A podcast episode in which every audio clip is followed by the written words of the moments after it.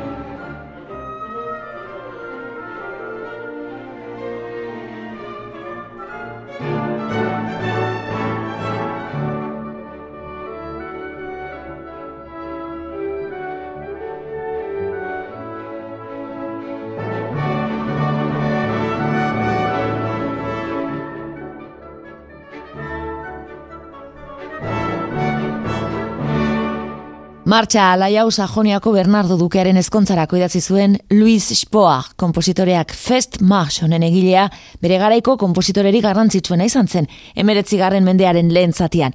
Gaurkoan Howard Schillik gidaturiko Suiza Italiarreko orkestraren emanaldian entzun dugu. Klasikoak eiteben.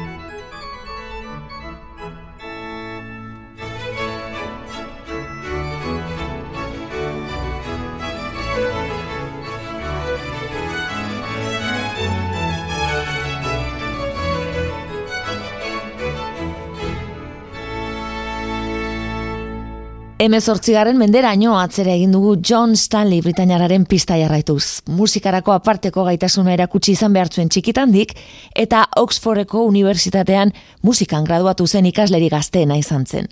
Stanleyren Movement for Allegro entzun dugu. Ray Goodmanek zuzenduriko Party of Instruments Baroque orkestraren eskutik. Klasikoak eite Italiako violinistarik ospetsuenetako baten gana joko dugu orain paganiniren musikan dugun espezialistarik handienaren eskutik, Salvatore Acardo.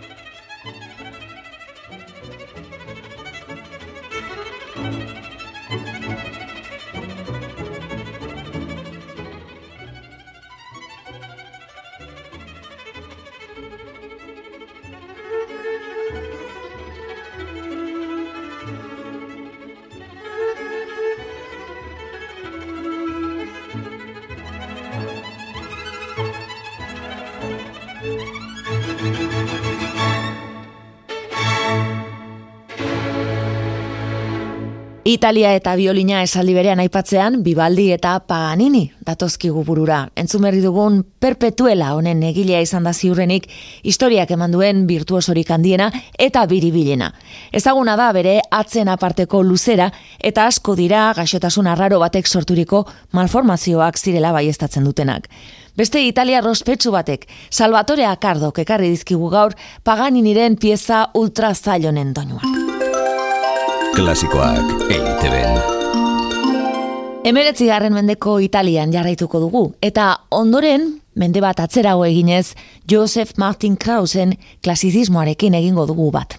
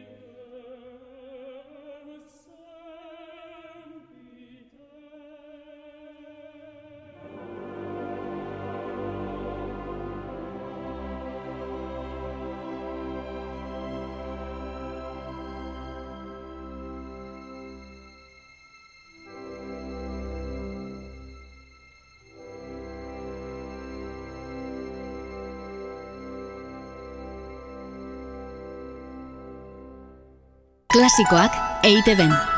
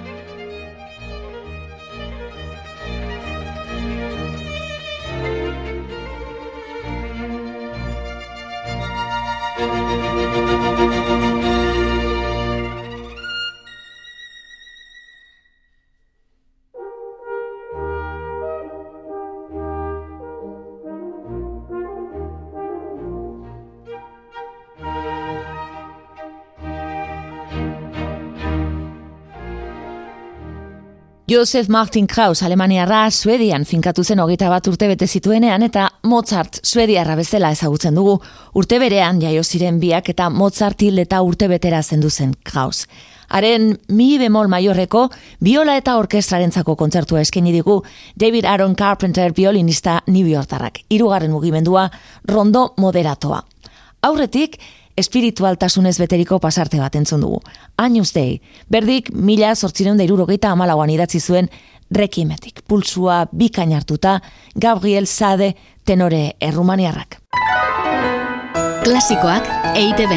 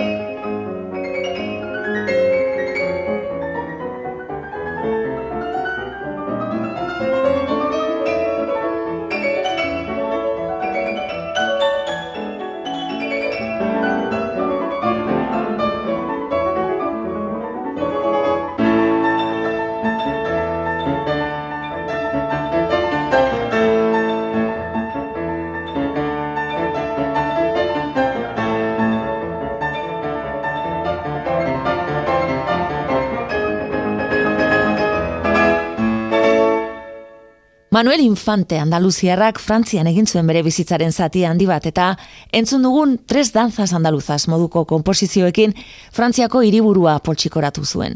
Parisen bertan hiltzen mila bederatzireun da berrogeita emezortzian. Pekine laizpek ekarri digute grazia izeneko hirugarren zatia. Klasikoak eite ben. Zentzentz Frantziarraren mi bemol maiorreko zazpikote komposizioaren gabot eta finale pasarteak entzungo ditugu orain. Denash Ensemble taldearen eskutik.